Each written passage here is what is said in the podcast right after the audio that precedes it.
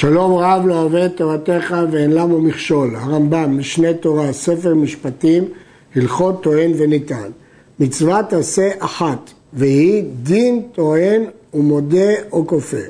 וביאור מצווה זו בפרקים אלו. כבר אמרנו כמה פעמים שלפי הרמב"ם מצוות הגדרתם לא רק מה שחייבים לעשות או מה שמנועים מלעשות, אלא גם הגדרות של דינים. ואם כן, דיני הטוען ונטען שכוללים את המודה והכופר, כל אלה הם מצווה, מצווה שהיא כוללת את כל הלכות הדינים הללו. וביאור מצווה זו בפרקים אלו, פרק ראשון.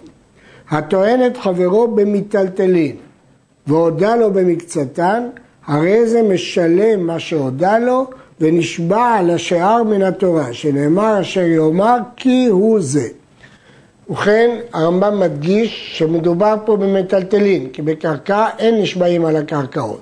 אבל, כי כתוב כי ייתן כסף או כלים, דבר הניתן מיד ליד. אבל אם הוא טען מיטלטלין, ובמקצתן הוא הודה לו, ובמקצתם הוא כפר, את מה שהוא מודה הוא חייב לשלם, ומה שהוא כפר הוא חייב שבועה מהתורה. מדוע? כי הוא הודה במקצת. והגמרא בבבא מציאה מסבירה שהוא משתמט הוא בעצם רצה לכפור בכל, אבל הוא לא העז, הוא רצה להודות בכל, אבל הוא משתמט, ולכן מחייבים אותו שבועה כדי שהוא יודה בכל. המקור בתורה, כי הוא זה. למרות שהמקור הזה כתוב בפרשת שומרים, אנחנו רואים עירוב פרשיות כתוב כאן. מוציאים את הפסוק הזה מפרשת שומרים, ואנחנו פוסקים שמודה במקצת יש בכל תביעת מיטלטלין ולאו דווקא בשומרים. וכן אם כפר בכל, הוא לא יודע במקצת, ואמר לא היו דברים מעולם, ועד אחד מעיד שהיו, הרי זה נשבע מן התורה. יש עוד סוג של שבועת התורה, גם אם הוא כופר הכל, כשיש עד אחד נגדו. מפי השבועה למדו שכל מקום ששניים מחייבים אותו ממון, אחד מחייבו שבועה. וכן למדו מפי השמועה שעד אחד לכל עוון ולכל חטאת אינו כאן, כמו שכתוב בספר דברים, אבל קמו לשבועה, ולכן עד אחד מחייב שבועת התורה. אין לך מחויב שבועה מן התורה חוץ משלושה, יש רק שלוש שבועות מהתורה. מי שהודה במקצת המיטלטלין, מודה במקצת, אשר יאמר כי הוא זה, מי שחייבו עד אחד, כמו שאמרנו, לכל עוון ולכל חטאת אינו קם, אבל קם לשבועה, והשומר, שהרי נאמר בשומר, שבועת השם תהיה בין שניהם. וכבר ביארנו שבועת השומרים בהלכות שכירות. למדנו בפרק ב' מהלכות שכירות את שבועת השומרים. וכל אחד משלושתן, דהיינו מודה במקצת, מי שחייבו עד אחד ושומר, נשבע ונפטר מלשלם. כל השבועות שבתורה נשבעים ונפטרים. אבל כל הנשבעים ונוטלים, כגון שכיר ונחבל ונגזל ופוגם שטרו וכיוצא בו, שכיר שאומר לו תן לי שכרי והוא אומר נתתי, והוא אומר לא נטלתי, נחבל, שאומר חבלת בי, והוא אומר לא חבלתי, נגזל ופוגם שטרו, שהוא אומר, אני, הוא מודה שהוא קיבל מקצת, אבל לא את הכל. כל אלה נשבעים ונוטלים. וכן כל הנשבעים בטענת ספק, כגון השותפים והריסים, שהוא לא יודע מה עשה השותף שלו, הוא משביע אותו בסתם, כולם נשבעים בתקנת חכמים. כל השבועות האלה הם לא מהתורה. וכל אלו השבועות, אף על פי שהן מדברי סופרים, הרי הן כהן של התורה בנקיטת חפץ. אמנם זה שבועות מדברי סופרים, אבל יש בזה דמיון לשבועת התורה, שלא כמו שבועת הסט שנלמד עליה בהמשך, ובמה היא דומה לתורה, שנוקטים חפץ של קדושה, ספר תורה או תפילין, כדי אה, לאיים על הנשבע, והעונש על זה הוא הרבה יותר חמור. הטוען מיטלטלין על חברו, וחפר בכל, ואמר לא היו דברים מעולם. או שהודה במקצת, ונתנו מיד, ואמר אין לך בידי אלא זה ואילך. ממילא כשהוא אמר אילך, אז הוא הפריד, הוא הודה ונתן, ועל השאר הוא כפר בכל. או שאמר, אמת שהיה לך אצלי, אבל מחלת לי, או נתת לי, או מכרת לי, או החזרתי לך. או שטענו חיטים והודה לו בשעורים, בכל אלו פטור משורת התורה. המקרה הראשון, כי הוא כופר הכל. המקרה השני, אמר הלך, אין לזה דין שמודה במקצת, ככה אנחנו פוסקים. המקרה השלישי, ששוב הוא כופר הכל, מחלת לי, נתת לי, מכרת לי, החזרתי לך, או שטענו חיטים והודה לו בשעורים, יש כלל שאם ההודעה שלא ממין הטענה, אז פטור, ככה הוא פוסקים, כי הוא זה, דווקא הודעה ממין הטענה.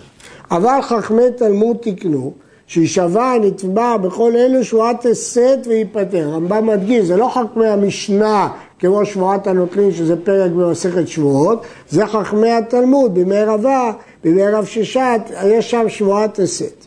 ואינה כהן של תורה, אין בה נקיטת חפץ, כפי שאין בה נקיטת חפץ. כבר ביארנו דרך השבועה של תורה ודרך שבועת הסת בהלכות שבועות. שם דיבר הרמב"ם איך נשבעים.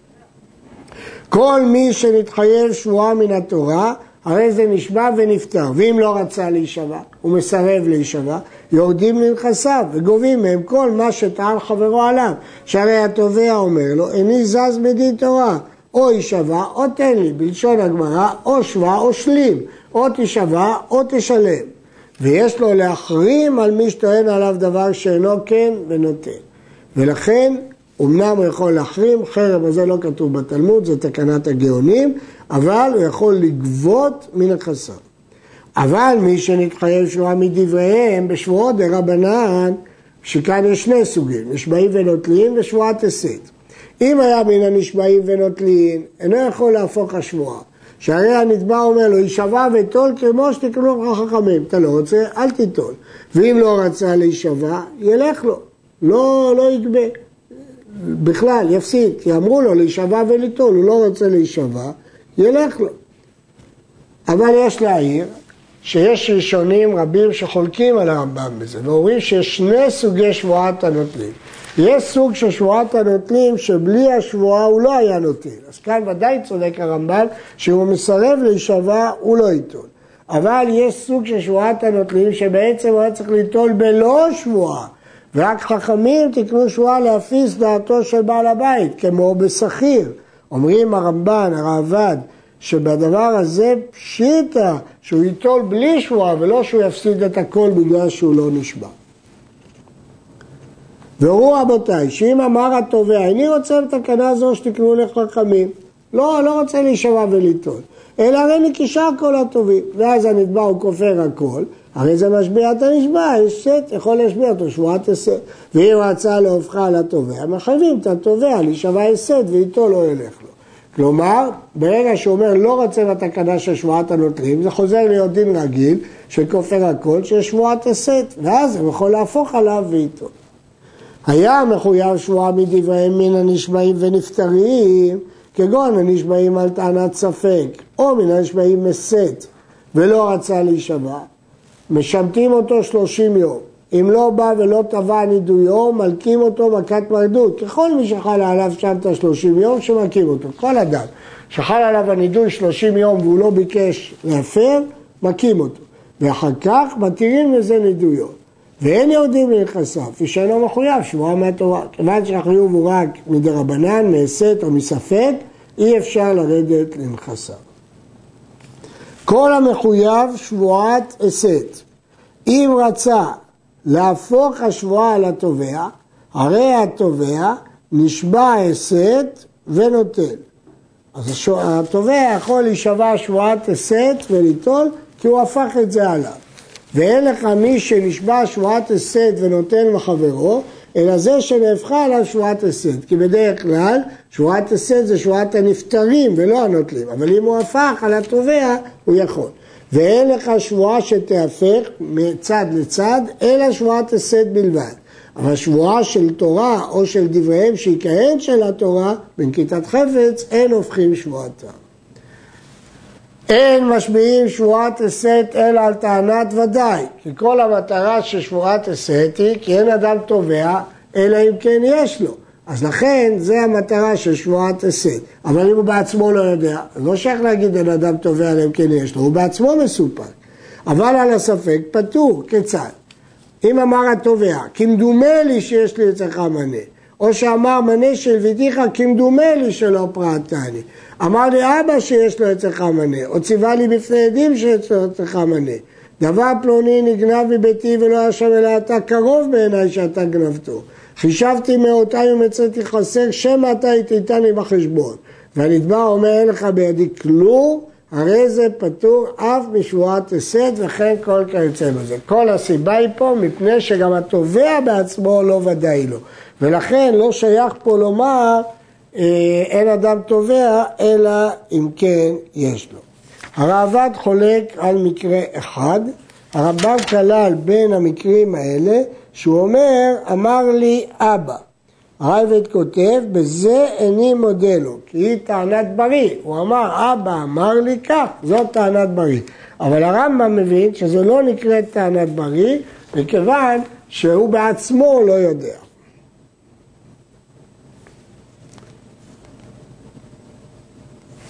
מנה יש לי בידך בוודאי, טענת בריא, והנתבע אומר, איני יודע, שמא יש לך, שמא אין לך. הרי הנתבע נשבע הסד שאינו יודע ונפטר, ושלא חייב עצמו בוודאי. לכן כל כיוצא בזה, כיוון שהוא בעצמו מסתפק, הוא לא יכול להישבע בוודאי, אלא בספק.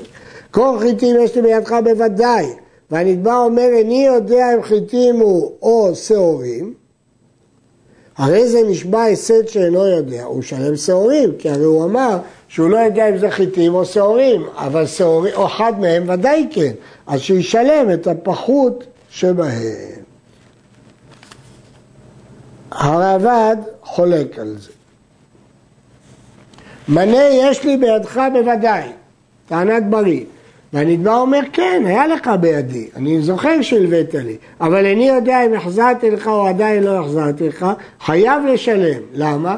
כי הוא בריא בחיוב, הוא יודע שהוא חייב, והוא לא יודע אם הוא נפטר מהחיוב, ספק בפטור, פה הוא חייב. ולא יישבע התובע כלל, אפילו הסד, מפני שהוא יודע בוודאי שהוא חייב. והרי זה טוען אותו טענה ודאי, ונסתפק לו אם נפטר, אם לא נפטר. וכן כל כיוצא בזה. אבל אם אין לו תובע, אלא הודה מעצמו, ואמר גזלתיך ולביתני מנה, אביך הפקיד אצלי מנה, ואיני יודע אם החזרתי או לא החזרתי, אינו חייב לשלם. למרות שהוא הכניס את עצמו לחיוב וספק בפטור, אבל אין טענת בריא, הוא זה שאמר, לכן הוא לא חייב לשלם. ואם בא לצאת ידי שמיים, חייב לשלם.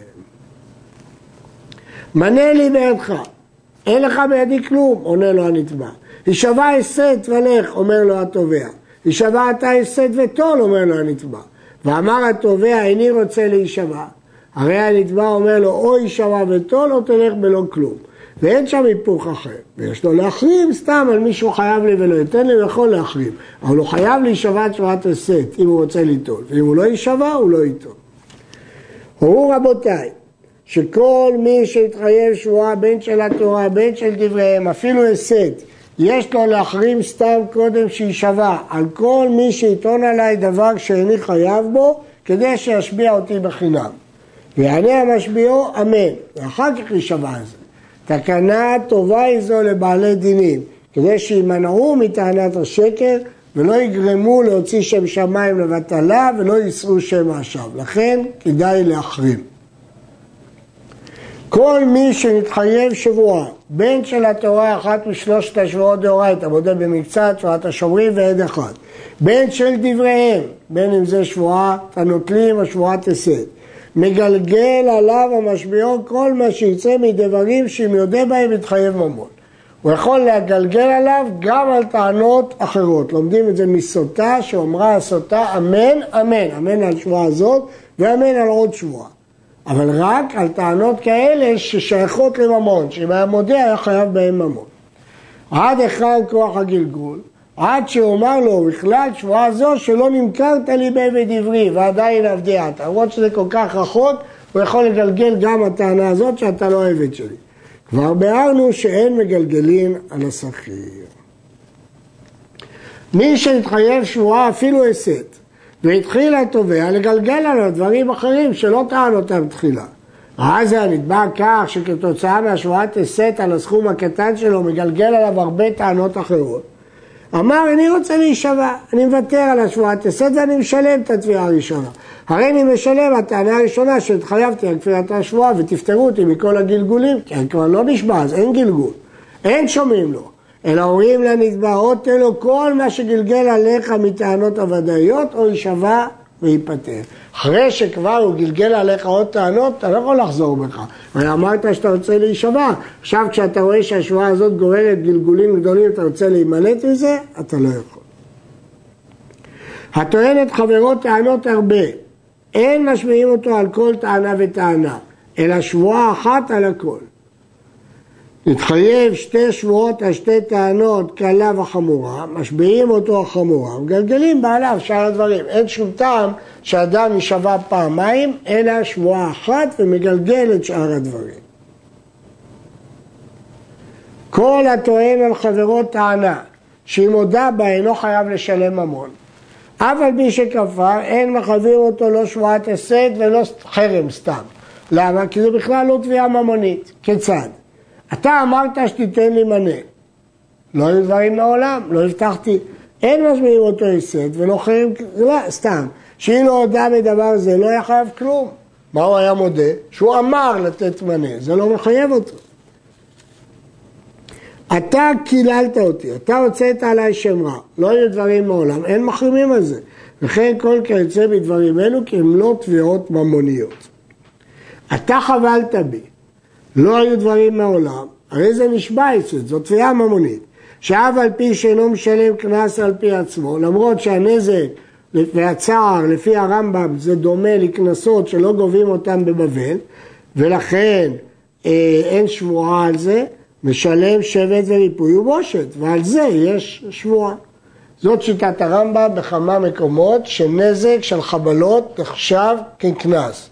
הרבה חולקים עליו ואומרים שנזק של חבלות זה פיצוי כמו ממון רגיל. אתה בישתני, לא היו דברים מעולם. אם היו במקום שגובים בו קנסות, אז זה נשבע הסד. שאילו הודה היה משלם הבושת. הבושת. ולכן זה עכשיו ממון שאפשר לגבות אותו. אה, איפה גובים קנסות? מקום שיש בית דין סמוכים בארץ ישראל. במה דברים אמורים שהמודה בקנס פטור כשהודה בדבר שחייב עליו קנס, כגון שאמר חבלתי בזה. אבל אם הודה חבלתי בזה והביא עליי בית דין, עדים בבית דין, וחייבוני לתת לו כך וכך בנזקו, הרי זה חייב לשלם, כי כבר הפך להיות חיוב ממוני, אחרי שבית דין גמרו את הדין וחייבו אותו, עכשיו זה ממון רגיל. לפיכך אם טען הטוען שבדין חייבו אותך לשלם ממאה דברים שלא חבלת בי והוא אומר לא יהיו דברים מעולם, הרי זה נשבע יסד וכן כל כיוצא בזה. מדוע? כיוון שהוא מודה על ממון, לא על קנס. הוא מודה שבדין חייב אותו ממון בעקבות הקנס שהוא היה חייב. עד כאן.